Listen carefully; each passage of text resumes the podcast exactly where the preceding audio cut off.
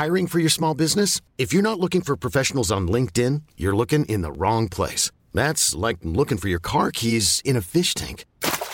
LinkedIn helps you hire professionals you can't find anywhere else, even those who aren't actively searching for a new job but might be open to the perfect role. In a given month, over 70% of LinkedIn users don't even visit other leading job sites. So start looking in the right place. With LinkedIn, you can hire professionals like a professional. Post your free job on linkedin.com slash achieve today. Vi är sponsrade av Northland Elite Performance. Northland Elite Performance är ett Umeåbaserat företag med gedigen utbildning och erfarenhet kring träning för individer. Just nu får du som lyssnar på podden 50% på alla deras tjänster under hela november när ni meddelar att ni lyssnar på Kedja Ut. Kontaktuppgifter hittar ni på northlandeliteperformance.se. Stort tack till Northland Elite Performance.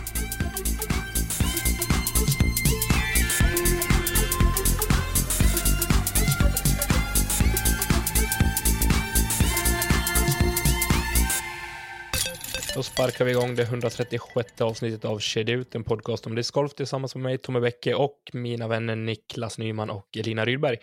Hur mår ni? Tack bra. Tack. Eh, skapligt. Vi kan säga bra, för ordningens skull.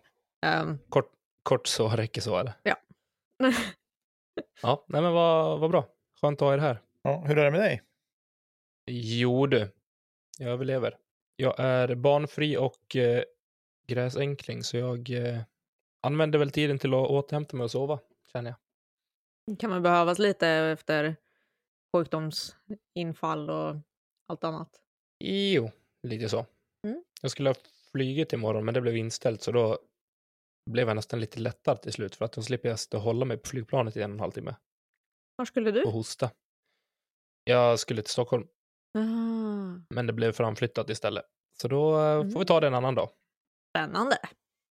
Men jag tänker väl att vi behöver väl inte släppa med oss något dravel vidare i det här, utan vi eh, välkomnar dagens gäster, Joakim och eh, Jonas, till eh, podden och ja, tjena.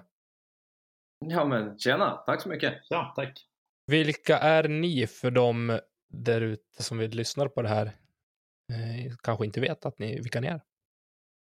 Ska jag ta den pucken? Jag kan ta den pucken. Ja men vilka fan är vi? Eh, nej men vi är ju eh, två gamla pluggkompisar eh, sen eh, på Umeå universitet. Eh, pluggade tillsammans under ett par år. Eh, driver nu företag tillsammans. Eh, Northland Elite Performance. Som det heter. Eh, jag själv då som eh, Jonas heter jag då. Eh, från grund och botten från Stockholm. Flyttade upp till Umeå för fem år sedan och började plugga. Eh, gammal, gammal hockeyspelare. Eh, så att eh, det var väl kort, kort om mig. Jag tänker Jocke kan ju få. Mm. Ja, exakt. Jocke heter jag. Jag har egentligen samma bakgrund som Jonas på att jag, har flyttat från, från Kiruna där jag är född och uppvuxen. Eh, ner för att plugga då, i Umeå. Och jag är också hockeyspelare i, i, i grunden. Nu, nu är vi här. Då har ni gjort ett och annat fyspass med andra ord genom åren. Ja, men något har det väl blivit. Kan man väl säga. Följdfrågan blir ju då här för mig direkt. Om du är från Kiruna, har du haft att göra någonting med Hans Wallson eller Jocke Fagervall? Eh, nej, det ska jag väl inte säga. Inte direkt på det sättet. Nej. nej. Tyvärr. Vilken tur du har, tänkte jag säga. Man måste ju kolla lite så här med Kiruna-bekantingar och så. Hur bra koll de har. Men det var ju synd. Men du vet vilka de är i alla fall? Antar jag. Ja, men det, det får man säga att man vet. Ja. Absolut. Ja. Hur känns det med Kiruna egentligen när stan håller på att flyttas? Ja, men det är ju speciellt. Nu har jag ju inte bott där på fem år så jag tycker att det ser annorlunda ut varje gång man åker upp. Det är lite speciellt att det, att det förändras sådär. Ja. Men är liksom planen att det ska, bli, det ska bli likadant? Alla gator ska ligga på samma ställe i förhållande till varann och allting? Eller blir det helt nytt från scratch? Nej, det blir helt, helt nytt. Ett helt nytt centrum som håller på att bygga nu. Det är väl främst det omkringliggande bostäder. Det är ju det blir som ett, en helt ny stad. Ja. Ja, det var ett sidospår. Jag ville bara kolla lite. Så. Det är sidospåren som är det fantastiska med den här podden egentligen. Det är det som brukar ta över. Mm. Tänk om de skulle flytta på Söder, Jonas, då hade du inte blivit nöjd. Ah, fy fasen. Då, då känner man sig inte hemma. Det kan tänka mig. Det hade varit jobbigt. Men du, Northland Elite Performance då? Lite grann. Det är ju ett eh, företag som ni driver. Ni har även varit med och sponsrat eh, våra event som vi har haft nu på, på hösten. Det får vi säga stort tack till ännu en gång. Eh, men jag tänker, vad, vad är det som utmärker? Det finns ju många företag och företagare som eh, ja, men, bedriver fysisk träning mot antingen enskilda individer eller mot eh, grupper. Vad är det som liksom urskiljer er från, från andra? Ja, det är ju ständiga frågan höll jag på att säga, men det, det är väl någonting vi pratar mycket om själva också. Eh, lite vilka är vi? Vad, vad gör vi annorlunda? Eh, och någonstans landar det väl i mycket att ja, men dels att vi har den här bakgrunden med oss som vi har, vår akademiska bakgrund eh, som är som en trygg bas att utgå ifrån hela tiden. Eh, men sen är det väl mycket att vi är ju väldigt intresserade av att hjälpa vad ska man säga, människan eh, som vi har framför oss. Eh, vi ser ju väldigt mycket på att ja, men, verkligen hjälpa individen, att, att verkligen gå all in för det eh, och hoppas att det är någonting som, som utmärker oss eh, positivt i den bemärkelsen. Vi är väldigt måna om att hjälpa den som vill ha hjälp och, och ta nästa steg. Så där känner vi att där lägger vi ner väldigt mycket energi på just det. Mm. Vi har ju båda lite historik med egna skador och sådär och det kanske är en del i, i drivet just kring det att man, man är mån om att de klienter man har verkligen känner att det liksom känns bra och att de får det de vill ha. Hur lägger ni fram till exempel för, eh, för en klient att så här kommer vi arbeta? Vilka grunder liksom baserar ni det på? Vad har ni för filosofier när ni tar fram eh, ett speciellt upplägg för vissa personer? Ja, men vi har ju diskuterat det här väldigt mycket och filosofier är ju som en grej som, som kan man säga är populär men det är som de flesta har ju någon form av egen filosofi och lite av det vi kan konstatera att vår filosofi är väl att alla filosofier kan ha sin plats. Uh, och vi tänker att, att uh, det beror ju väldigt mycket på vilken individ vi har framför oss, vad de har för målsättningar och förutsättningar och allt sånt. Och eh, beroende på det så, så får man försöka anpassa upplägget utefter det. Liksom. Vad, vad är det de behöver? Och, och det är väl det vi utgår ifrån. Vad, vad kan ni stöta på för, för utmaningar när ni har, man säger, har ett första möte med en klient? Eh, är det någon gång ni till exempel känner att nej, men här är faktiskt inte vi rätt att, eh, att hjälpa? Eller försöker ni alltid hitta en lösning på det i alla fall? Ja, men grunden, grunden är ju såklart alltid att försöka hitta en lösning. Eh, så är det ju. Det är, det är liksom det är ju alltid liksom utgångspunkten att när man har de kommit till oss, då ska vi såklart göra det vi kan för att, för att hjälpa dem. Men sen kan det ju vara om, tillfällen då vi kanske inte kan hjälpa en person fullt ut. Det kan ju vara mer kopplat till skador och sådär att eh, det är någonting bakomliggande som våra kunskaper inte är tillräckligt stora inom det området. Men där kanske någon annan behöver kliva in till en början och sen kan man återkomma till oss när man kanske har fått koll på det. Eh, men i övrigt så tänker jag, finns det inget sånt med i bilden så, eller någon sjukdom eller någonting, ja men självklart så, så ska vi göra allt vi kan för att, för att hjälpa personen. Så är det ju. De blir ändå centrerade till er egen profession om man säger. Ja, alltså du tänker utifrån Eran kunskapsbas, tänker jag. Ja, men exakt, exakt. Grymt. Eh, har ni något exempel på ja, men, hur planering och upplägg tas fram från det att ni möter en klient för första gången? Vi kan väl börja steget före det. egentligen. För jag skulle vilja veta Jättegärna. hur, ehm, hur man eh, lättast typ kommer i kontakt med er och vad, vad ni kanske ser att man på förhand ehm, vill ha gjort inför den här första kontakten också. Det beror, det beror väldigt mycket på, jag vet inte vad som är lättast egentligen men lättast att hitta oss kanske är på liksom, typ Instagram och skicka ett meddelande där. Men, men det förekommer ju på olika sätt, vissa skriver där och vissa ringer direkt och, och det spelar egentligen ingen större roll för oss skulle jag säga, hur de kontaktar oss. Mm.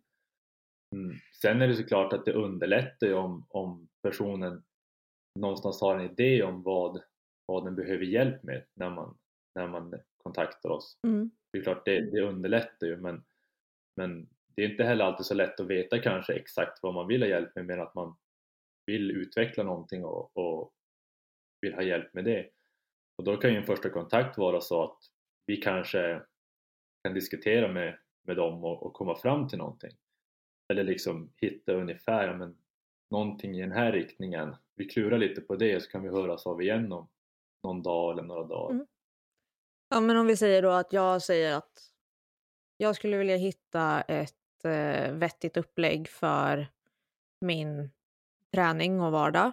Eh, jag har kanske tre kvällar i veckan jag kan laborera med.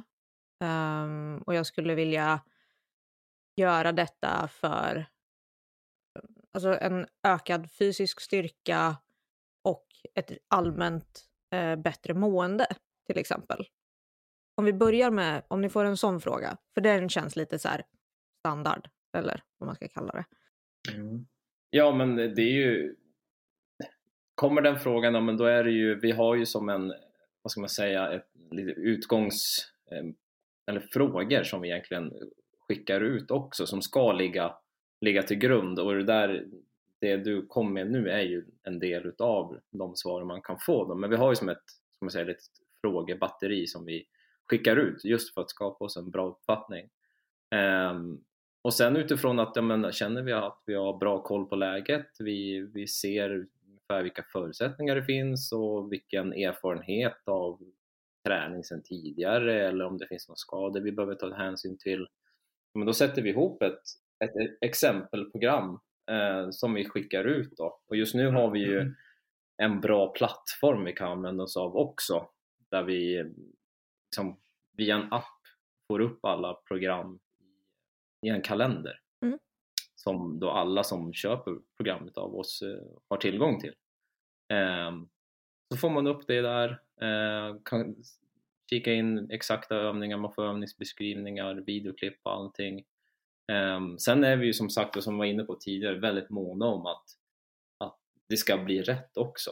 Att Ehm, man aldrig får tveka och höra av sig till oss om det är någonting man vill ändra på eller sådär. Så att vi är väldigt öppna för att göra förändringar så att det funkar fullt ut för den som tar hjälp. Kan man även i den här appen skicka liksom feedback mellan varandra och liksom så här, men den här övningen kände väl jag så här och så här. Gör jag fel eller är det liksom att den bara funkar inte för mig? Så att den liksom kopplar så, så att man har en dialog för övningen fast i appen. Inte specifikt för övningen, man kan ju gå in och lägga som en egen kommentar Mm. kan man ju göra, alltså som Och användare. den ser ni sen då, liksom när den kommer. Ja, vi, vi, vi, vi har tillgång till det men det kommer inte upp som en notis men däremot finns ju en, typ en chattfunktion ska man kunna säga. Okej. Och då kommer det upp som på alla de flesta liksom vanliga sociala medier eller vad det Mm, kan vara mm. som en notis för oss. Då skulle man exempelvis kunna säga ja, men, eh, jag har kört det här passet idag, eh, kolla mina anteckningar eller någonting. men och då kan vi gå in lätt och kolla där och så ser vi allting då. Det känns ju sjukt smidigt. Ja, det är sjukt smidigt. Det är, det är ett otroligt bra verktyg för oss också i just den här planeringsfasen. Att vi har, det, ser, det ser nästan likadant ut för de som använder appen som våra klienter som för oss när vi gör programmen. Att vi bara använder en kalender och klickar i när vilka pass ska vara vart. Så att Mm. vi sparar ju otroligt mycket tid. Mm. så att vi har ju en, en större förmåga att ta emot fler förfrågningar än vad vi har haft tidigare också. Mm. Så att vi, vi blir väldigt mycket tidseffektiva. hur mycket, hur mycket träning blir styrt mot gym kontra eh, kanske träning utan vikter eller bara med egen kroppsvikt? Helt beroende på vilka förutsättningar det finns och vem det är som, som vill ha programmet skulle jag säga. Eh, liksom är, är önskemålet att, att bli starkare, eh, ja men då kommer det mer styras mot, mot gymmet. Men det beror helt på vad, vad ska man säga, erfarenheten av styrketräning är sedan tidigare också. Just för att det ska funka optimalt. man får ju vara lite flexibel. Man, man kan ju bara dra som exempel eh, förra säsongen med hade vi Björklövens juniorer under, under den här pandemin när man inte fick träna inomhus och då fick vi köra i princip, eller det var all fysträning utomhus eh, och då var det ju mycket med egen kroppsvikt och man fick eh, använda räcken som fanns och stolpar och allt möjligt så det, liksom, det funkar ju. Många, många spännande övningar som, som kom fram under den perioden kan man ju säga. Ja, man får bli lite kreativ. Så, nej men så det, det, man får ju anpassa efter vad, hur förutsättningarna ser ut. Mm. Mm. Jag tänker det, det är ju många idag som, eh, eller många, det är väl kanske fler som inte har barn och familj och andra eh, åtaganden så, men som kanske har begränsat med tid och kanske dessutom inte har tid att ta sig iväg till ett gym, tänker jag, men att man kan ta sig ut på en, eh, ja, men en promenad där man kan göra sina övningar eller löptur eller vad det kan tänkas vara. Det var mer liksom så jag tänkte, hur mycket blir mot gymmet kontra hur mycket kan man göra, jobba med, med eh, ja, sin egen kroppsvikt så att säga. Eh, det var lite så jag, dit jag ville komma. Men eh, jag förstår ju såklart att vill man bli starkare då är gymmet liksom eh, det första man kanske måste sikta in sig på såklart. Mm. Ja, men förstår frågan och självklart är det så att vi, att vi anpassar ju liksom utifrån, utifrån de förutsättningarna och det går ju själv, självklart gör vi ju gör vi de anpassningarna om det, om det är det som kommer funka för, för den Mm. personen. Eh, självklart är det Mm. så. kan ju bara spe eller, mm, spegla din fråga till eh, ett, eh, ett proffs på touren i USA. Eh, Ben Calloway pratar ju om det. Att han kör ju, han har ju kört liksom enbart träning med kroppsvikt och typ gummiband och sånt där. In, alltså under hela off-season och under säsong och så också. Just för att han är inte beroende av någonting. Han är liksom bara beroende av att han är på en plats där han kan utöva det. Ehm, och det är ju så, alltså, lite som Nicke är inne på, man kanske inte hinner åka till gymmet och vara där i 45 minuter till en och en halv timme. Men du kanske har 15 minuter aktiv tid som du kan lägga i vardagsrummet. Så det är väl liksom att ja, sådana övningar kanske funkar lika bra också. Ja, ja men och framförallt så är det ju att, att eh, man, man får ju se till vad, vad personen har för förutsättningar. Nu pratar vi mycket om förutsättningar men, men det är ju liksom det vi egentligen utgår ifrån. Alltså vad, vad kan du göra, hur ofta och var och på vilket sätt? Mm. Eh, För det är helt meningslöst om vi gör ett träningsprogram som ska vara fem dagar i veckan på gymmet och så har den här personen inte tillgång till ett gym till exempel. Nej men precis. Det är förmodligen ingen träning gjord. Så, så det är jätteviktigt för oss liksom, det, att vi måste utgå ifrån vad personens behov är och sen anpassar vi efter det. Och är det då till exempel att man inte har tillgång till ett gym utan bara kan köra med egen kropp, då, då, då gör vi det på det sättet. Mm. Och det går ju att få det jättebra också. Det är ju inte, det är inga konstigheter med det liksom. Men i kombination med det så bör man någonstans också kanske anpassa det målet som man faktiskt sätter också, så att det blir realistiskt efter sina förutsättningar också. Men ska du kliva in och, och ha som mål att bli starkast i Sverige, då kommer du inte kunna köra 15 minuter hemma i vardagsrummet med gummiband. Jo, Jag, jag lovar, Hold det my beer! kommer inte gå. Ja. var det en Ja, ni, får utmaning jag gärna hörde? motbevi- ni får gärna motbevisa mig, det är ingen fara.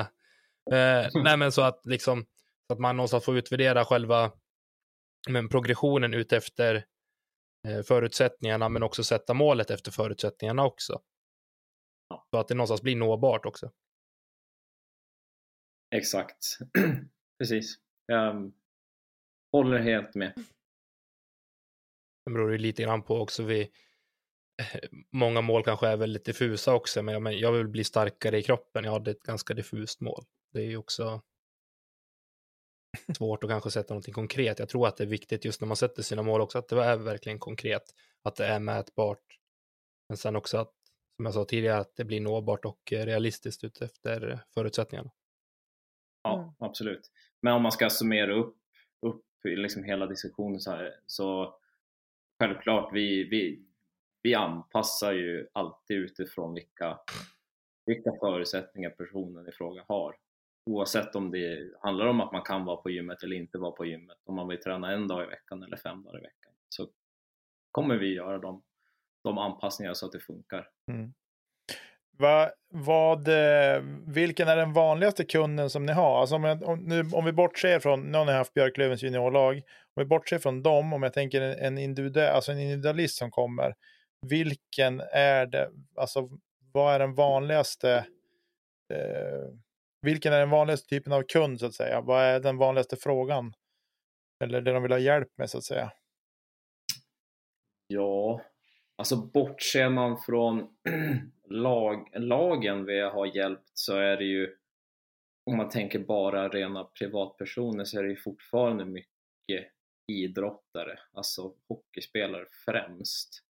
Eh, men sen om man tänker rent enskilda personer, men då är det ju mer kanske medelålders eh, män och kvinnor som, som vill ha hjälp med, med vad ska man säga, vardagliga träningen. Alltså komma i form är väl som en klassisk, Mm. Mm. klassisk punkt så, som de vill ha hjälp Mm. med. Skulle jag dragit en gissning så hade jag gissat eh, män och kvinnor 32 till 37 års ålder.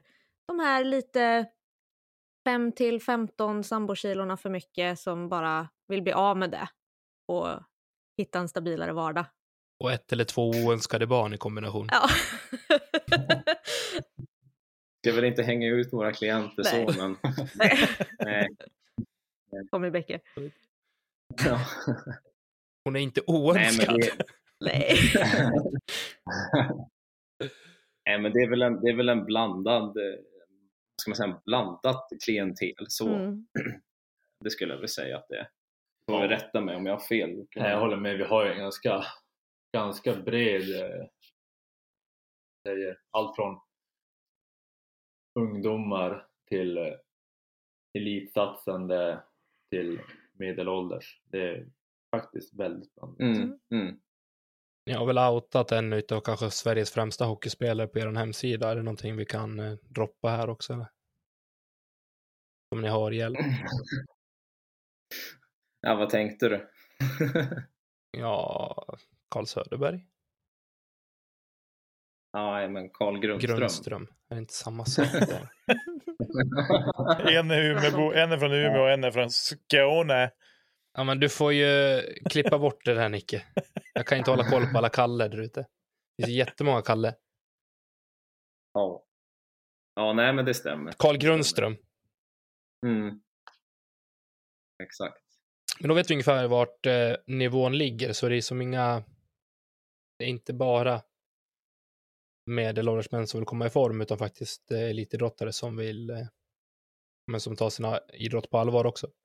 Ja men absolut, det får man säga. Han är ju en av dem som, som verkligen är superseriös och som tränar väldigt mycket och väldigt dedikerat. Får man säga. Så, så det är ju också spännande för oss att se liksom hur, hur de vill ha det och hur, vad de förväntar sig av oss och vilken seriositet som, som man får sätta då för att det ska bli så bra som möjligt. Mm. Jag tänker att vi ska börja applicera lite discgolf eh, i det här också. Eh, så att vi inte bara spinner iväg lite grann. Men eh, när jag pratade med er under förra veckan så var jag inne på att discgolfen blir större och större. Eliten blir betydligt bredare och bredare och någonstans så behöver man applicera en träning som inte bara kanske innehåller att kasta plast.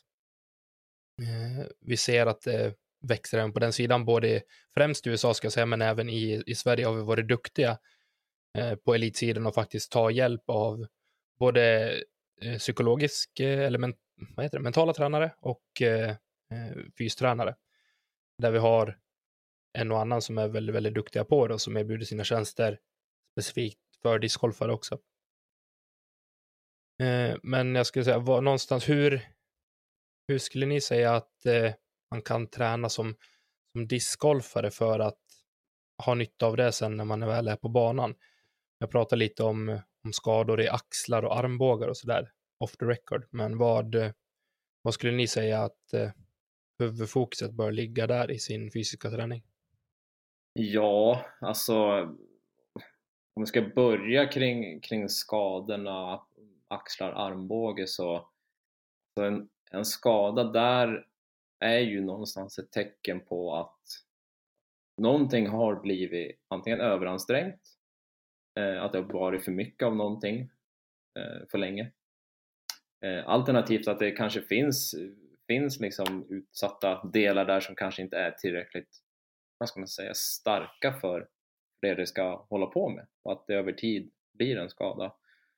Så för att hålla det kort så någonstans handlar det ju om att försöka stärka upp de, de områdena som, som är utsatta. Armbågar, axlar. Och det blir ju generellt kanske överkropp då. En discgolfspelare skulle jag vilja säga. Om du vill fylla i med någonting. Nej men exakt, det är ju, det är ju så, så man får tänka. Och det är ju det, det beror ju väldigt mycket på också vars man, vars man är i sin träning. Eh, och det finns väl väldigt blandat där också från någon som kanske aldrig har styrketränat till exempel till de som är väldigt van vid styrketräning. Eh, så det är klart, det skiljer sig kanske mellan dem också vart man ska börja. Och, men den generella liksom eh, det generella tipset vi, vi tänker är ju att, att eh, men för det första börja, börja träna liksom någon form av styrketräning och, och försöka bli starkare i, i ja, men absolut kring de specifika lederna och de musklerna men, men sen absolut i hela kroppen också. Lite dit jag vill åt också för det finns en anledning till att det kanske inte droppade knän och höfter som, eh, som faktiskt är en en central del i, eh, för en discgolfare också på banan. Eh, men just vikten av att faktiskt ha en, en stark kropp i generellt sett. Eh, och sen kunna någonstans förebygga och eh, jobba med de mer utsatta lederna som det faktiskt blir då med armbåge, knä och, och axel. Mer specifikt, men någonstans kunna lägga en grundfysik för, för hela kroppen för att man ska faktiskt orka Eh, mm. Sen i Lina ser det ju faktiskt ut så att eh, det blir mer och mer tävlingar under högsäsong. Eh, vilket gör att eh, Elina är våran elitspelare i det här gänget, så nu får liksom hon vara måttstocken. Eh, det blir fler och fler tävlingar, det blir större påfrestningar på, på kropp och psyke, men eh, vad, vad skulle ni säga grabbar att eh, bör man någonstans hålla i träningen som man gör under off-season genom hela säsongen eller ska man trappa ner det någonstans eller liksom hur kan ett bra upplägg se ut? Ja, vi, vi kommer ju tillbaka till det här igen med, med förutsättningar och, och tid och vad man känner att man eh, fixar för att få ihop hela livet eh, utöver alla matcher och allt man ska göra. Så att, eh, det spelar inga matcher i discgolf för det. Nej, förlåt. förlåt. Du ser jag är helt borta i det här. Tävlingar. Ber om ursäkt. Eller jag tänkte säga Tommy, du spelar ju faktiskt matcher. Och Nicke också. Ja, matchspel kanske. I DGL. Ja. Okay. Men... Ja, så fel var jag. Nej, ser. Faktiskt inte. Men det heter tävling. Ja, nej men eh, någonstans kan man hålla uppe någon form av träning om man gör det under, under sin off-season om man kan upprätthålla någon form av, av liknande träning liksom in season under tävlingar så är ju det absolut jättebra. Um, för att just inte här, tappa det man har byggt upp på något sätt. Mm. Men Elina, du som eh, ändå tävlar en hel del. Eh, vad skulle du säga är det svåra i kombinationen tävlingar och som man säger säsongsträning i kombination med styrketräning? Alltså, det som, det som jag har på något sätt liksom fått med mig och det som jag kommer tänka på till nästa säsong, det är tiden. Tiden räcker inte till. Och då lever jag ändå i Värmland som är relativt söderut, eh, vilket gör att ja, men från maj så har jag ljusa kvällar och därför ett, ett längre dygn att liksom kunna träna på. Men det innefattar då att jag ska jobba heltid. Jag är mamma heltid.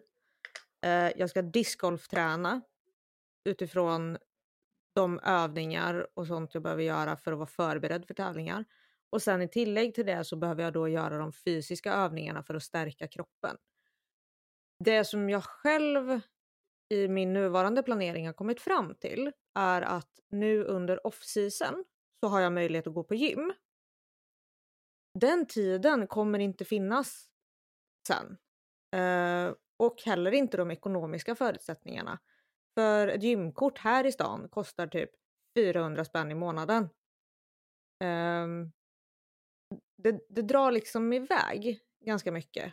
Och då kan jag liksom tänka då att ja, men jag har friskvårdsbidrag på jobbet och det är klart att jag, det hade varit bra att försöka prioritera eh, ett gymkort. Men jag tror inte jag kan försvara det med tanke på tiden som kommer ligga dels på fysträning men sen också ren discgolfträning. Så att nu då, fram till första februari, så har jag ett gymkort. Eh, jag kommer försöka vara där så mycket jag kan för att ge mig själv liksom en, en högre baseline utifrån vad jag är kapabel till nu med alltså så här, styrka kroppen. Sen så kommer jag byta ut det mot att ha ett träningsprogram som är för hemmaträning. Um, och ska hellre då kanske lägga en del av pengarna på att göra typ så här engångsinköp, alltså typ en kettlebell, kanske några viktskivor, en stång och liksom så, så här, som jag kan ha hemma. Eh, för att det för mig då kommer ju löna sig i längden. Sen kan det ju vara att när säsongen är över igen i oktober, då kanske jag skaffar gymkort i några månader igen. Eh, för att göra samma sak en gång till. Om det här visar sig då att det kommer vara effektivt för mig. Men redan i år så märkte jag ju skillnaden på att inte träna alls på grund av pandemin till att så här, äh men jag klickar hem eh, en rejäl uppsättning gummiband och börjar där. Eh, liksom. Och så fort jag gjort det så märker jag ju resultat. Så att goda resultat på banan är direkt kopplade till en bra fysik. Det, är liksom, det går inte att sticka under stolen med. Har du koll på kroppen så är det mycket lättare att utöva en idrott där du faktiskt använder hela kroppen. Är du stark i kärnan så har du kontroll. Eh, det är väl efter den, alltså det uppvaknandet som jag kände att ja, fast det här är nog faktiskt viktigare än vad många kanske tror. Det är inte bara att gå ut och leka discgolf utan vill man nå upp till en viss nivå så är det verkligen träning. Och det är inte bara kasta utan det är allt med det. Sen så visade det sig att jag skadade ryggen i alla fall.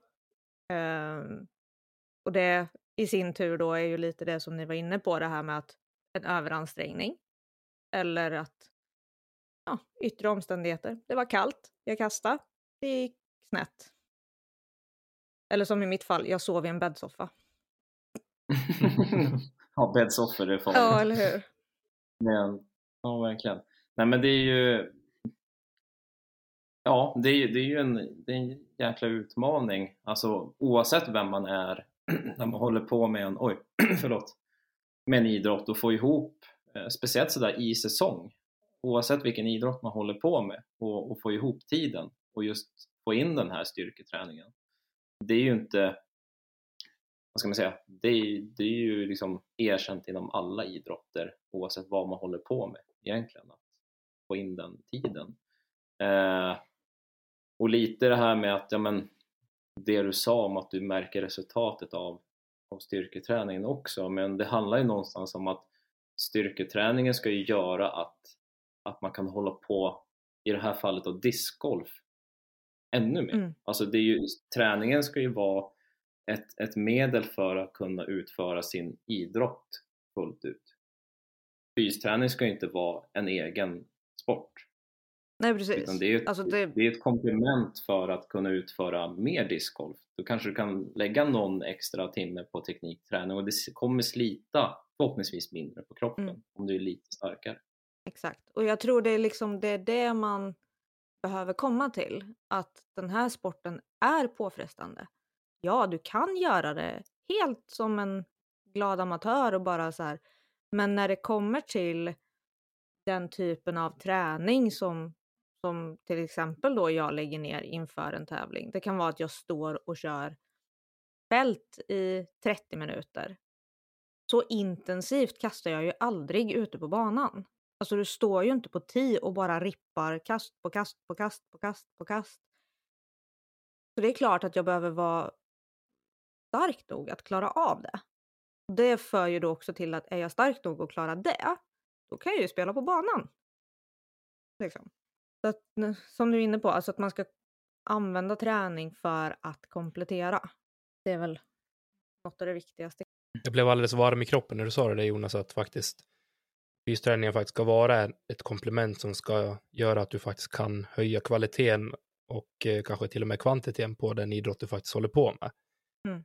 Och jag tror att det är där många, många kanske kommer i konflikt med sina egna tankar när man går mot en off-season till exempel och säger att men nu är det faktiskt all in på, på gymmet till exempel, att man någonstans delar upp säsongen i så pass klara bitar. Det finns ingen opacitet mellan, eh, mellan on och off-season, utan på vintern då ska jag köra stenhårt gym, då ska jag bara bli stark och jag ska bygga muskler och på sommaren då ska jag spela discgolf. Men någonstans måste det också finnas kanske en tanke bakom den fysiska träningen. Okej, vad ligger den till grund för? Vad vill jag fokusera mest på? Spelar jag discgolf för att bli bra på gymmet eller är jag på gymmet för att bli bra på discgolf? Det första du sa. Helt klart.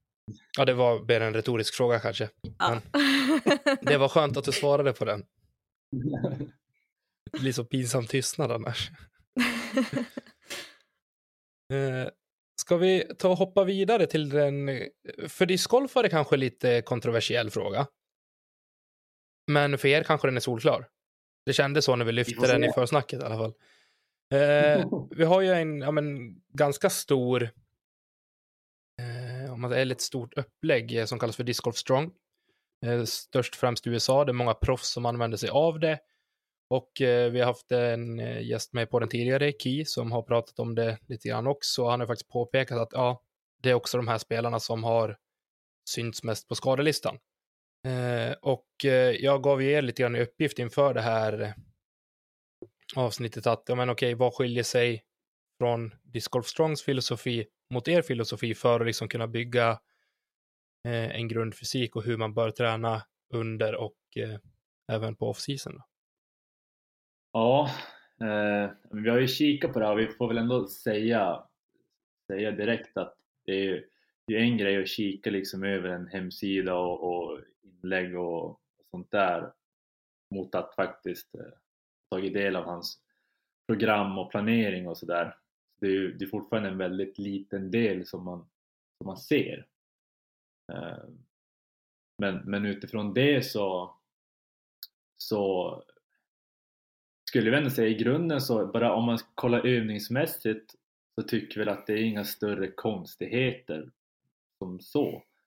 Eh, det vi däremot kanske kan anmärka på någonstans tycka är väl att hur han pratar och lägger upp det, att han, han värdesätter ju de här specifika övningarna väldigt högt kontra kanske då eh, en planering och ett upplägg.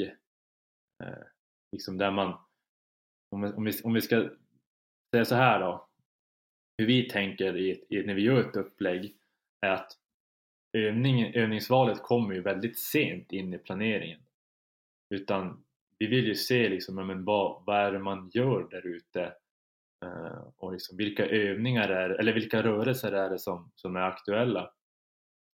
Eh, och sen utifrån de rörelserna så får man ju eh, dela upp det då i kanske olika sätt. Som exempelvis kan man ta över och underkropp eh, och sen utifrån det så kommer det liksom eh, kommer det in övningar som en slutprodukt liksom.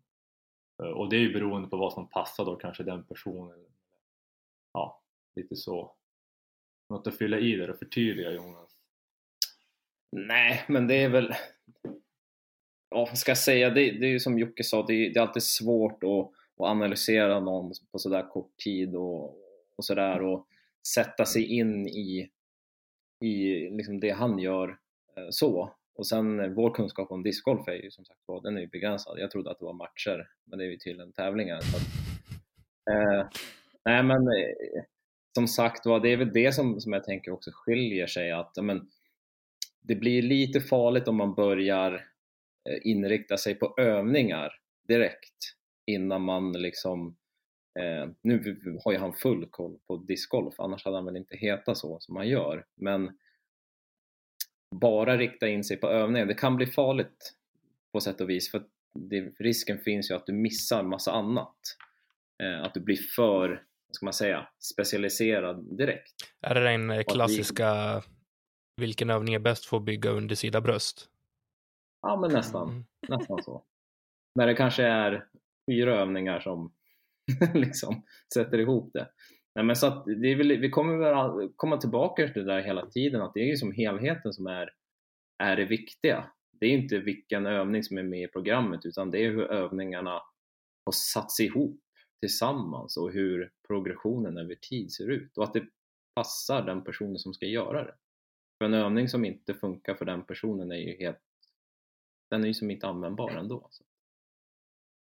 Man får ju börja där, där personen är i frågan. Liksom. Jag ska erkänna det, jag är lite, jag var lite elak mot er och, och satt er på den pucken direkt för jag är, jag har väl ett personligt, en personlig inställning till den typen av träning som kanske, jag kanske inte riktigt är där eh, om jag skulle, själv skulle få välja hur jag skulle träna.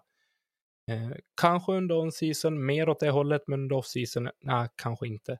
Då kanske jag hade riktat in mig på, på någonting helt annat. Eh, så det är nog ett, mer ett personligt agg som jag har mot, ja men just den typen som ni, som ni är inne på, som ni nämner, det här med att ja, men man kanske glorifierar övningar istället för upplägg som eh, ska hjälpa en att nå ett mål till exempel. Nicke, ska du ställa din fråga nu? Eller vill, ska vi ta den sist? Nej, vi tar den sist. Okej. Okay. Eh, vill ni lägga till någonting, eh, Jocke eller Jonas, på, innan vi går vidare på lite lyssnarfrågor? Nej, inte vad jag kan komma på direkt. Vi har ju svamlat på här nu, så jag har ju glömt hälften vi har pratat om. Men, eh, Vilken övning är den bästa för att bli en bättre discgolfare? Jag skulle säga eh, vadpressar. Det är så sjukt. det är så, sjukt att du svarar vadpress på den. För innan ni, ni kom in och vi satt och, och tjötade lite grann för det här. Då satt vi och pratade om just vadträning. Och jag, jag som har extremt små vader satt och liksom skyddade mig själv med att nej, men vaderna det är nog den svåraste muskeln att träna. De funkar inte på samma sätt som övriga kroppen. Och de de vaderna som syns, de går inte att träna lika bra som de som inte syns, bla bla bla. Eh, och Nicke satt och tyckte att ja, men alla på gymmet, de har så små vader och jättegrova lår och jättegrova överkropp. det var kul att du sa vadpress på den. Ja, det. Men man ska inte... Nicke, du har ju en vadbristning. Kommer den från discgolfen? Nej. Nej. Innebandy. Innebandyn livsfarligt. Jag skyller det på covid, för att covid har hållit mig borta en och en halv säsong från innebandyn och sen nu när man startar upp igen och tänker att jag är på samma fysiska form som jag var när jag slutade. Klassiker. ja, och ålder och annat. Man har blivit äldre också, så att ja. Men det är som det är. Jag kan bara smyga vad, vad, är, vad är det största misstaget ni ser folk göra i ett, antingen ett träningsupplägg eller det rent av på gymmet? Oj, svårt att säga största misstaget. Ja. Men det, det, det jag kan uppleva, speciellt med kanske yngre eh, människor, det, det är att många, många har ganska bråttom. Och man, man vill kanske gärna eh, hoppa över de här, ska man kalla, kalla det grunderna och liksom eh, istället göra liksom coola övningar man har sett runt om på Instagram eh, och man har sett sina idoler och stjärnor göra som har kanske tränat i typ 25 år redan Mm. Eh, och så är man själv inte riktigt där. Så det tycker jag är en, en stor del, liksom, en, en utmaning kanske att få folk att, att ha tålamod. Och, och det, tar ju, det tar ju sin tid att bygga upp en riktigt bra fysik. Det gör det ju. Det är lite, det är lite som att gå i skolan. Det, det finns ju en anledning till att det, man går i skolan från ettan till nian och allting blir svårare med tiden. Liksom. Det, är, det är lite samma med, med träning om man ska dra någon, någon liknelse. Liksom. Du kan inte gå på allt för avancerade och för tuffa saker direkt om du liksom inte är van vid det. Så det kommer ju som inte funka. Det kommer ju, någonting kommer ju hända säkert. Som den klassiska pyramiden, man måste lägga basen först för att kunna ta sig till toppen. Jajamän. Men jag gillade den liknelsen med skolgången faktiskt. Mm. Men och, För att det är så här, är, ja, du kan inte lösa nians matte om du är sju år. Det är liksom så här, lycka till. Ja, vissa barn kan väl, men eh, Är det därför Tom, är, det här? är, är det därför Tom folk ser ut som en upp och nervänd pyramid sen då? Smala ner till Ja. och breda upp till. kan vara. Beror på vad man värdesätter själv kanske. Ja. Men jag tycker det... Nu glömde jag bort vad jag skulle säga, Nicke. ja, jag vet inte. Nej, men just det här vi egentligen vi har suttit och pratat om nu i snart 45 minuter är väl egentligen det att eh, om det jag har suttit och tänkt på egentligen att jag har ju letat efter de här tråkiga svaren som jag upplever att man kanske inte vill höra. Man vill ha, gärna ha ett magiskt svar som ska göra en quick fix på allting. Och jag tycker någonstans att vi har kommit dit att det är inte bara att göra så. Det är kanske inte heller svårare vad man gör det till. Utan att tar man det lugnt, man gör det från början, man behöver någonstans börja på ruta ett för att ta sig fram till ruta 10. Man måste börja lägga basen för att ta sig till toppen. Och jobba på det sättet. Ja, men då är det inga konstigheter. Och egentligen så finns det inga magiska verktyg för att kunna lösa några quick fixes heller. Då hade vi inte haft skador. Och då hade alla varit nöjd med sina kroppar och bla bla bla, allt vad det heter. Ja, nej men det är ju så. Det är, så. Det är, det, det är lite så, alltså man ska säga, träning funkar också. Det finns ju som inga, ehm, kanske vi är väl experter på att låta eh, veliga, men det finns ju som inga raka svar på någonting, utan allting är ju som sagt, det är väldigt beroende på. Eh, och det måste man som ha med sig hela tiden. Det finns inga, inga definitiva svar inom, inom träningen så. Men det jag också kan uppskatta i någon mån att ni som företagare faktiskt sitter som i grund och botten faktiskt tjänar pengar på det här ändå kan vara så pass ärliga och säga att ja, men, det är så här och eller, det är inte så här eller det kan vara så, det kan vara så här, men det kan även vara på det tredje sättet. All, och att alltid faktiskt beror på att man någonstans måste bryta ner det på individnivå och sen liksom lösa det efter förutsättningar, målsättning och, eh, och allting sånt. Jag, är- Mm. jag uppskattar verkligen den ärligheten. Så, ska vi ta lite lyssnarfrågor? Ja. Elina, din kompis från Sundsvall. från Sundsvall. Sundsvall. Sundsvall. ja, eh, Natalie har ställt lite frågor. Den första är ju hur kommer det sig att ni startade Northland Elite Performance? Och Det var jag övrigt- vi, Det var för övrigt Mm. Nathalie som vann eran eh, keps. Som Ja. och lottade ut i samarbete med oss. Just det. Ja, men just det. Kul! Eh, men hon undrar hur det kommer sig att ni startade. Och vi berörde det väl lite i introt kan jag tycka. Ehm, men vi drar den en gång till, lite kort. Ja, jag tänker att det, det vi liksom kanske kan då lägga till då vad som egentligen verkligen fick oss att ändå köra igång med det.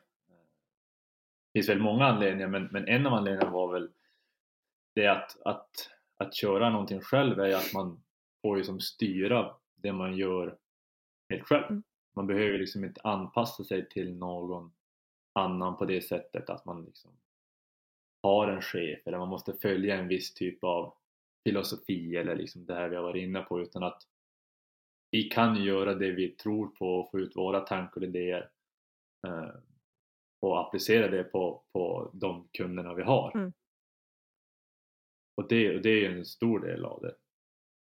Och sen såklart då att, att när vi är två så, så kan man ju bolla så mycket idéer med varann och det gäller väl inom alla områden. Det är alltid skönt att ha någon med sig och kunna diskutera saker och eh, ja men man, man kan ju olika mycket om, om olika saker och det är alltid skönt att få, få stöttning i, i, i det. Mm. Och sen har vi vi, har, vi skrev ju våran eh, kandidatuppsats ihop till exempel och, och har ju hunnit umgåtts en del och vi har ju väldigt lika syn på träning och, och vet att vi funkar bra ihop och så då såg vi det som ett bra tillfälle att göra tillsammans. Det var inte jättesvårt att välja businesspartner med andra ord. Nej, det kommer ganska naturligt Ja. får, man väl, får man väl säga. Vi har en som sitter och skakar lite på huvudet så här. Nej. Skämt åsido. Det var, det var, det var ett enkelt, enkelt val. Ja. Nej, det var ju som, jag, jag har ingenting att tillägga. Det, var, Mm. det kändes rätt. Och när möjligheten fanns då var det bara att köra. Ja, alltså de som startar egna företag för sånt de faktiskt brinner för hör man ju väldigt sällan bara, nej men det var det sämsta beslut jag har gjort. Så att, Ja, man var ju, alltså man har fått höra lite så här skräckhistorier. För jag menar, vi, vi umgicks ju under stor del när vi pluggade också. Liksom, har ju varit bra, bra kompisar så. Så man kände sig så här, ja, man har ju hört skräckhistorier om de som blivit riktigt ovänner och inte vill veta av varandra. Men jag vet inte, vi har inte hamnat där än. Så att vi får väl se när, när den dagen kommer. ja. Då får ni ringa Tommy så får han ställa sig emellan. Precis, medla lite. Ja. Nu kramas vi allihopa. Mm. Ja. Ehm, jag eh, känner att jag tar en till av de här och så får grabbarna slåss om de resterande. Men eh, jag personligen har ganska mycket så här intoleranser just gällande kost och vi har en till fråga från Nathalie eh, som är vad är det bästa tipset för träningssnacks som inte innehåller nötter? För hon är då nötallergiker. Jag med. Ja, Men du med? ja, just det. Det är väl typ det jag inte är Ehm. allergisk mot. Ja, jag ska hoppas jag kan försöka svara så att vi får med oss någonting. Nej, men det är ju såklart, det är ju jättelurigt för mycket om man tänker bars och sånt där innehåller ju nötter. Så, så är det ju. Mm. Eh, Men jag tänker det finns ju, det är ju utifrån personliga preferenser, men jag menar kan låta tråkigt men banan, russin, smoothies, smörgåsar, det funkar ju minst lika bra. Mm. Om man tänker att man ska ha det kopplat till någon form av eh, mellanmål eller sådär. Jag Eh. tror det kan komma lite till typ så här, ja men före efter gym, eh, på banan, under tiden du tränar. För det kan ju vara att man liksom känner att ja, men jag behöver fylla på liksom under tiden jag gör saker. Mm. Eh, Ja men då är ju, då är ju liksom om en snabba kolhydrater, bananer, russin, Mm. smörgås. eh, Det är ju som väldigt enkelt att, att ta med sig. Kräver ju inte särskilt mycket i planeringsväg heller. Så det är väl det är väl egentligen det bästa alternativet. Mm. Ta det man tycker om som inte innehåller nötter och så kör man på det. behöver inte knäcka teet. Nej, behöver inte krångla till allt. Jag har en fråga där till er som är mer i, i gamet än vad jag är kring det där med. Eh, jag tänker, har det blivit en, en hype kring alla de här olika sorters av bars som har kommit? De har ju funnits ganska, det, ja, men de har funnits länge nu. Så de har ju funnits under rätt många år nu. Men jag tänker att när de väl kom, liksom att eh, det, är liksom, det är det här du ska ha före och efter träning eller så. Liksom, och liksom, nu kan man, jag brukar ibland bara ta med mig smörgås ut. Liksom, för jag känner att det är, det, det är energi och det är den eh, kanske inte det, jag har inte doktorerat i det så jag vet inte om den bästa energin för mig men, men det har funkat för mig i alla fall, bara ta med mig ut någonting att äta. Eh, så för att få i mig någonting bara. Jag kan faktiskt flika in där Niklas, för att när jag hittade ett bröd som jag kunde äta eh, och faktiskt hade med mig macka på rundan, jäklar vilken skillnad det blir. För att det blir inte att du så här försöker so alltså sockerchocka kroppen. Och då har jag varit så här mycket för nötter och torkad frukt och sådär. Men alltså att bara kunna äta en macka på rundan. För man blir ju liksom mer mätt också. Så att det blir inte att du går och småäter nödvändigtvis bara för att småäta. Det är någonting som kanske Nicke kan ta med sig till tävlingsgruppen inför 2023. Att faktiskt lägga in ett niohålsfika. Mm. Och en toalett. Duka upp långbord. Smorgasbord. Ja, nej, men sen, är det ju, sen får man ju tänka utifrån vad man ska göra också. Men jag menar, på en discgolfbana är det ju, liksom, ja, men då är det ju perfekt med den typen av, ska man kalla det snacks. Men jag menar, ska du springa ett maraton, det är inte en macka du tuggar i det då. Ja. Det är ju inte, det är inte Ja, optimalt. det är därför jag aldrig har tagit mig runt alltså. Skrutt. Ja, det måste vara det. Skogaholmsen med, med lite korv och ost och grejer. Det, nej, den, Packade in konken. den, har inte, den har inte hjälpt mig runt alltså. Ja, ja, nej, det förklarar saken. Kan jag få bara flika? Jag tror att eh, Nicke, grunden i din fråga här, just att det har kommit så många olika typer av bar som kanske egentligen är av samma innehåll, eh, tror jag kom just med när proteinhypen kom inom träningen i samband med svarta snygga tights med hål på benen. Att faktiskt eh, det som är egentligen kanske speciellt i grund och botten med barsen var att proteinhalten kanske var lite högre än i en chokladbit. Men det innehåller fortfarande de här snabbare kolhydraterna som faktiskt kan göra så att du håller dig pigg en extra 10-15 minuter. Men jag tror att många har exploderat kring det för att man vill göra den godaste baren och inom situationstecken den nyttigaste baren kanske då. Mm. Ja, jag, jag tänker, tänker som du och jag tänker att om man ska säga proteinbars är ju, är ju ett enkelt sätt att ha med sig någonting och tugga på och så här och, och man ska väl inte underskatta vad de innehåller men man ska inte heller överskatta det och, och tänka att det ska vara några mirakelgrejer som kommer göra något magiskt utan det är liksom, man får ju, man får ju se vad innehållet är och det innehållet kan du hitta i ganska mycket annan typ av vardagsmat också. Så- jag menar, kör på det som man tycker funkar bäst för en själv. Det behöver inte vara så mycket mer avancerat än så. Mm. Jag gillar det du säger att man inte ska överskatta dem heller. Mm. Alltså det här, ja, det är bra grejer säkert. Men du ska inte lägga det på någon jävla pedestal. Liksom. Det är inte det som kommer vara avgörande för om du ska nå ditt mål eller inte, garanterat oavsett vad det är. Nej, och det är inte en, en giltig lunch heller för den som känner att men jag tar en sån istället. Det är som att äta en Snickers. Nej, kostersättning, det har man till barn. Mm. Eller måltidsersättning. Kosttillskott heter det av en anledning. Men när vi ändå är inne på det så kan vi ta nästa fråga. För vad är egentligen myten eller de rätta svaren kring att äta före och efter träning? Vad är rätt och fel? Anser ni då? Det är inte så här att ja, men vi har rätt svar nu, utan vad anser ni vara? finns ju enormt mycket forskning på det här. Mm. Ja, och, och det här det går ju liksom att grotta in sig i det här jättedjupt om man vill och det finns ju mycket olika varianter när man tycker och tänker saker. Eh, men om vi tänker, om vi bara håller det liksom väldigt enkelt så, så våran grundsyn är väl ät både före och efter. Eh, och, och grundtanken där är väl liksom att äta före för att få energi för att kunna prestera bra under träningen eller tävlingen eller vad det nu är. Mm. Eh, Och få i sig någonting efteråt är ju för att, ja men, för att kunna ha möjlighet kanske att återhämta sig snabbare eller, eller hjälpa till att påskynda återhämtning. Det är väl som grund, grundtanken kring det. Mm. Det är klart, där finns det ju också olika varianter där det spelar mer eller mindre roll. Men återigen, liksom, vilken nivå ska man lägga, det- lägga det på? Liksom, väljer man att inte äta på vissa tider, ja men då är vi inne i olika fasteperioder eventuellt.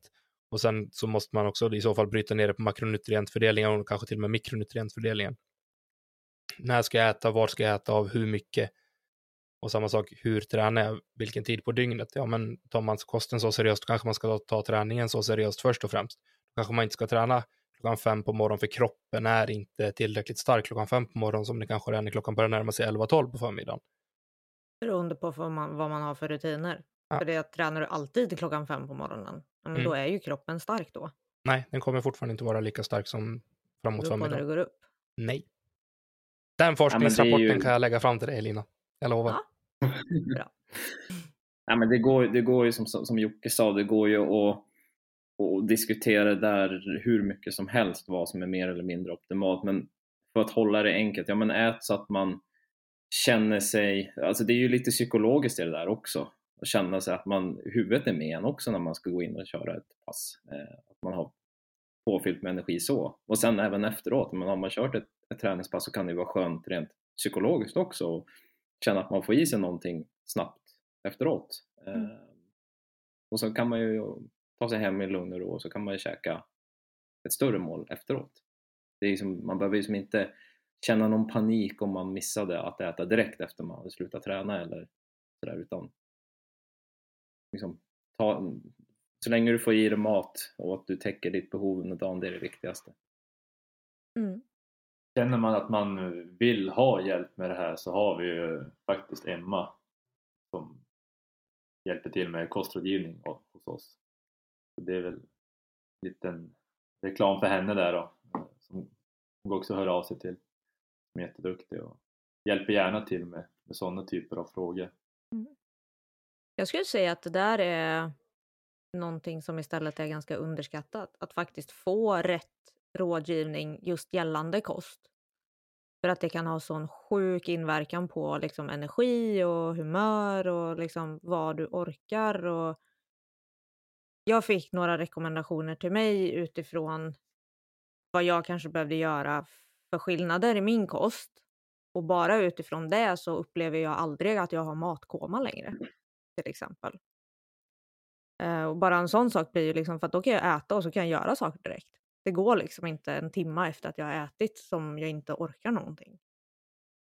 Ehm, jag tycker man faktiskt ska ta kostrådgivning på allvar. Och det är väl bra då eftersom ni har Emma då. Som kan hjälpa till med det. Ehm, men vi har en jag tror den här är väl en väldigt relevant fråga just utifrån discgolfset. Ehm, hur ska man träna för att öka hastigheten i en rörelse? Alltså vi vill ju fokusera i discgolf på explosivitet.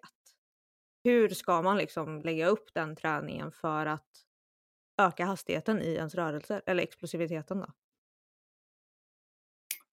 Ja, eh, också en jättebra, jättebra fråga. Mm. Eh, också en sån här det beror på svar. Ja.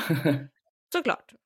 Ja, exakt. Nej, men, om, man ska, om man ska göra ett enkelt exempel så är ju att, att öka styrkan i den rörelse, eller den, ja, den rörelse kan man ju sammanfatta det, eh, är ju som första steget.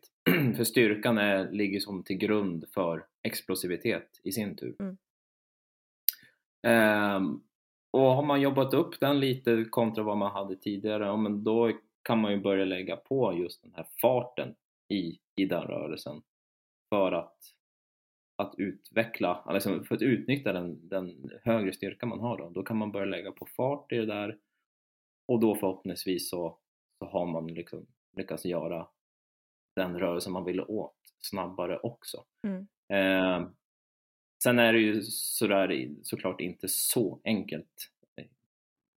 Men i teorin så är det ungefär så man, man brukar göra. Öka styrkan, träna, träna upp den till att börja med, sen eh, lägg på fart för att sen nå slutmålet. Mm. Om det var ett, ett vettigt svar, ett förståeligt svar på, på frågan. Ja, alltså jag kan ju ta till mig processen. Mm. Eh, Så jag hoppas att fler förstår den också. Men det är ju liksom, skulle vi ta, om vi säger att vi applicerar det till en gymövning. Skulle ni Mm. då säga att man från baseline ökar vikter successivt för att du ska bli starkare till att du kanske då när du har kommit upp till en viss punkt gör motsatsen till att du ska egentligen kunna bara göra du kanske går ner i vikt men du ska kunna göra dem på liksom ett, en snabbare frekvens. Ja men exakt, alltså det handlar ju någonstans, ja, men säg att vi, vi tar en period på fyra veckor där, ja, men då tränar du, vi tar en enkel, ett enkelt, exempel, typ en bänkpress säger Mm. vi. Ehm, ja men då, då fokuserar vi först på att, att köra med ganska tunga vikter. Mm. Ehm, och då kommer ju hastigheten inte vara så snabb, men motståndet kommer ju vara högt och då, då tränar vi upp liksom maximala styrkan. Ehm, och sen vart efter då, efter de här fyra veckorna, men då kanske vi tar av hälften av vikten som vi körde på. Mm. Men då med intention att nu ska vi göra det här med maximal hastighet Mm. hela tiden. Och så gör vi så i fyra veckor säger vi. Och sen förutsatt att vi gjorde något form av, av test då kanske innan den här peri- träningsperioden. Så går vi tillbaka, testar hur fort kan du trycka iväg stången? Mm. Och förhoppningsvis så har ju du blivit eh, snabbare då i den rörelsen. Mm. Just för att du har byggt upp en högre tröskel, din styrka och att du kan koppla på liksom snabbt också och, och liksom göra hastigheten snabbt. Mm. Eller rörelsen snabbt. Precis. Det där var en väldigt bra liknelse. Från den bilden jag fick av det du sa i alla fall. Mm. Mm. Bra. Verkligen. Bra med tidsangivelse också, tänker jag. För många gånger så är det många discgolfare, jag generaliserar lite, mig själv inkluderat, är väl att man, om man ändrar någonting i sin teknik till exempel när man kastar, att man förväntar sig att ja, men nu ska jag kasta 10 meter längre eh, efter en veckas träning med den här teknikförändringen till exempel. Så.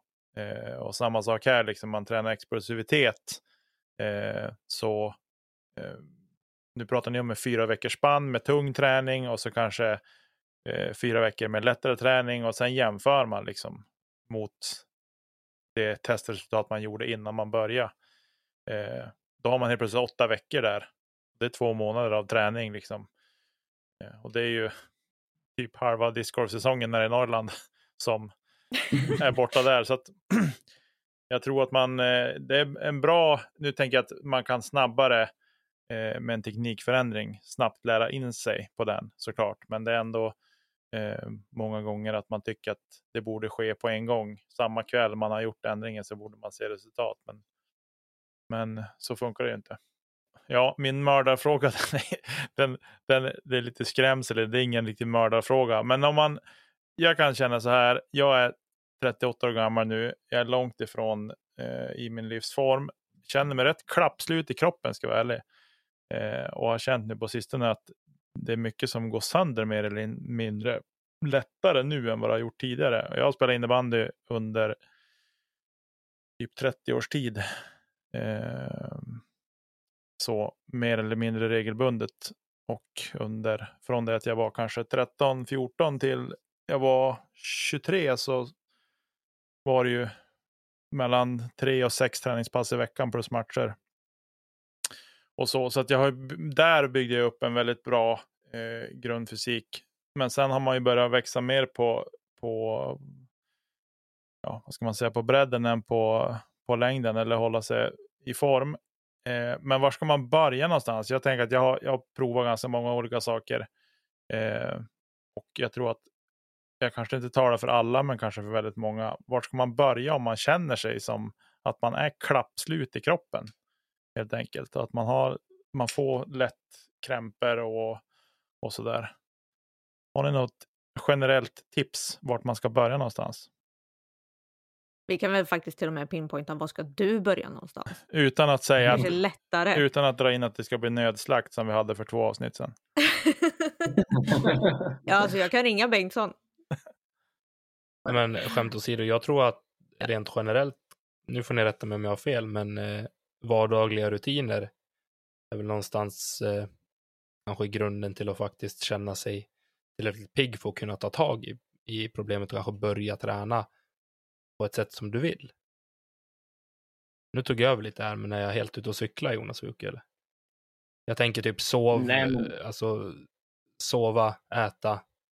Ja, men jag, absolut, det, det låter ju jättevettigt. Och jag, jag tänker att, att eh, ett förstläge kanske någonstans definierar så här, vad, vad du gör idag.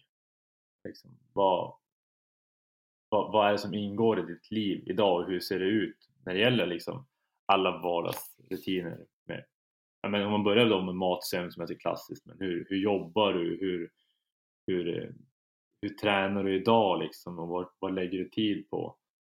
Eh, och, sen, och sen därifrån, nu, nu utgår jag från att, nu tänker jag att, att du har kontaktat oss här så nu håller vi på att sätta upp en plan. Här. Så, Det här mygel, Då- då ska- Nicke, du får inte betala. Nej, nej, du, om jag vill betala då betalar jag så gladeligen. Jag älskar sånt där. Folk som är duktiga ska ha betalt för det de gör, så den saken är säker.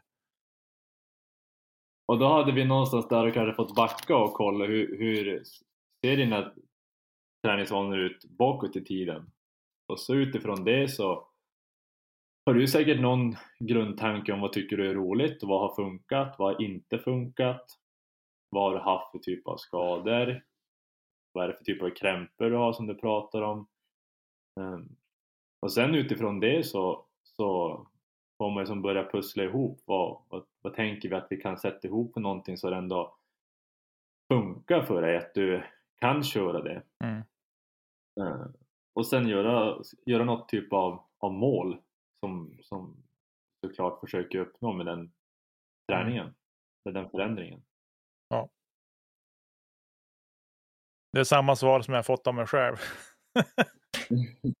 Nej, men det är bra. Det är bra. Fast här har du två grabbar som faktiskt kan hjälpa dig Niklas. Jo, det, jo absolut. Eller ja, jag vet inte om jag, om jag går och hjälpa faktiskt. Eh, Det är klart du gör. Eh, då får jag nog säga upp mig så jag kan vara dem på heltid. Men jag vet inte hur den ekonomiska ekvationen ska gå ihop. Jag ska betala dem lön och så ska jag inte ha någon lön själv. Delägare. Precis. Han köper upp. Nej. Nej, men det var bra. Tack för det svaret. Jag fattar ju att det är ju sjukt svårt att, att svara på det eh, sådär rakt upp och ner. Och någon mördarfråga vet jag inte riktigt om det var, men, men eh, ja, det jag har landat i själv, det är ju att eh, jag har testat ett sjok med att springa.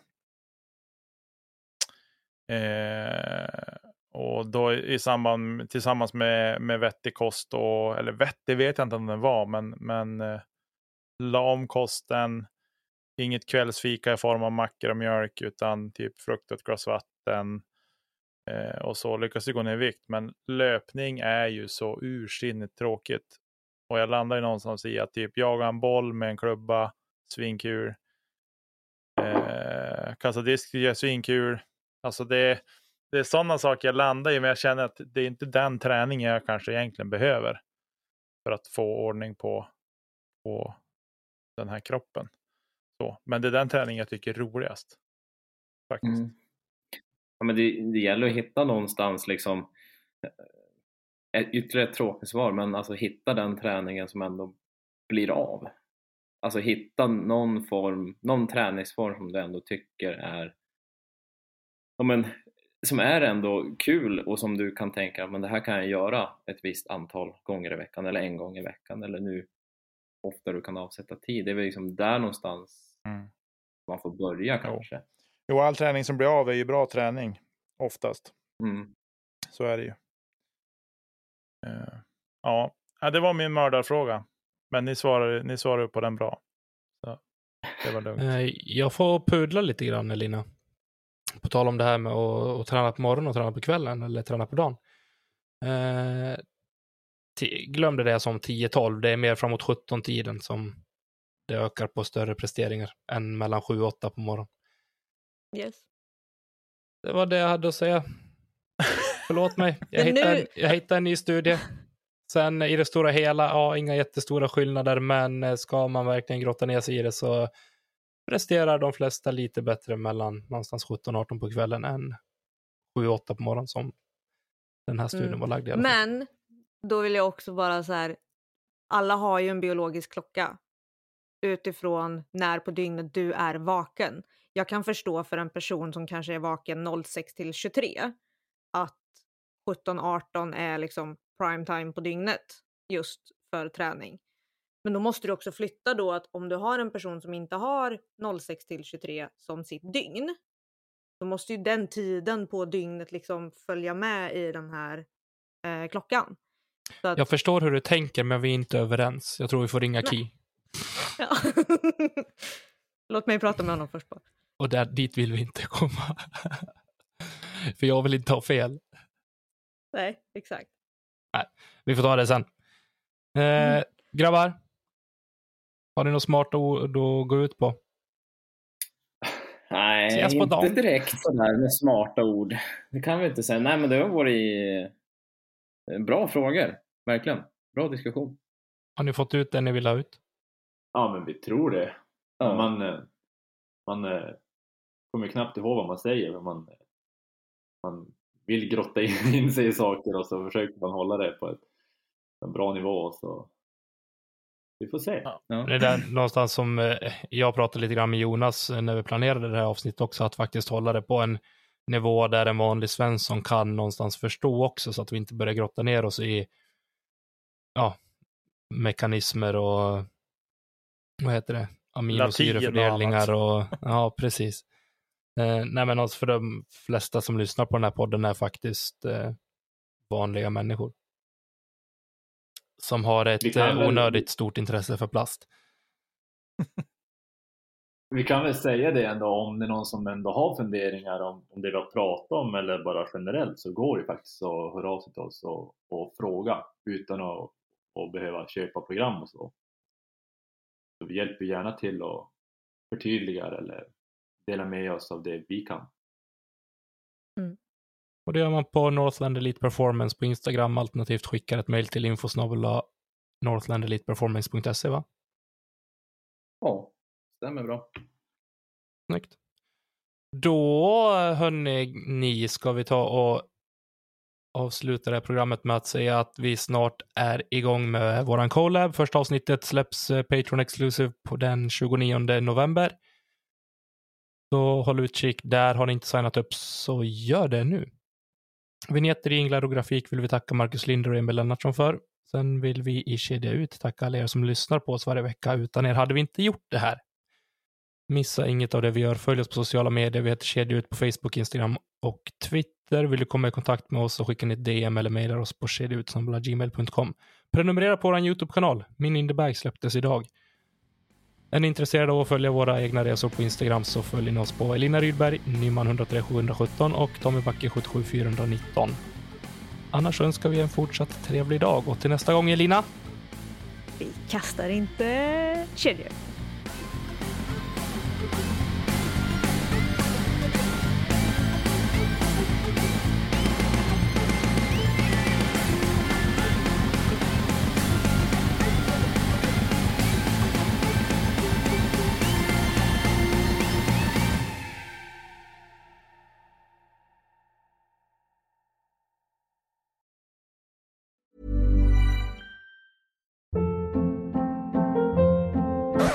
Hold up. What was that? Boring. No flavor. That was as bad as those leftovers you ate all week. Kiki Palmer here, and it's time to say hello to something fresh and guilt-free. Hello Fresh. Jazz up dinner with pecan-crusted chicken or garlic butter shrimp scampi. Now that's music to my mouth. Hello Fresh. Let's get this dinner party started. Discover all the delicious possibilities at hellofresh.com.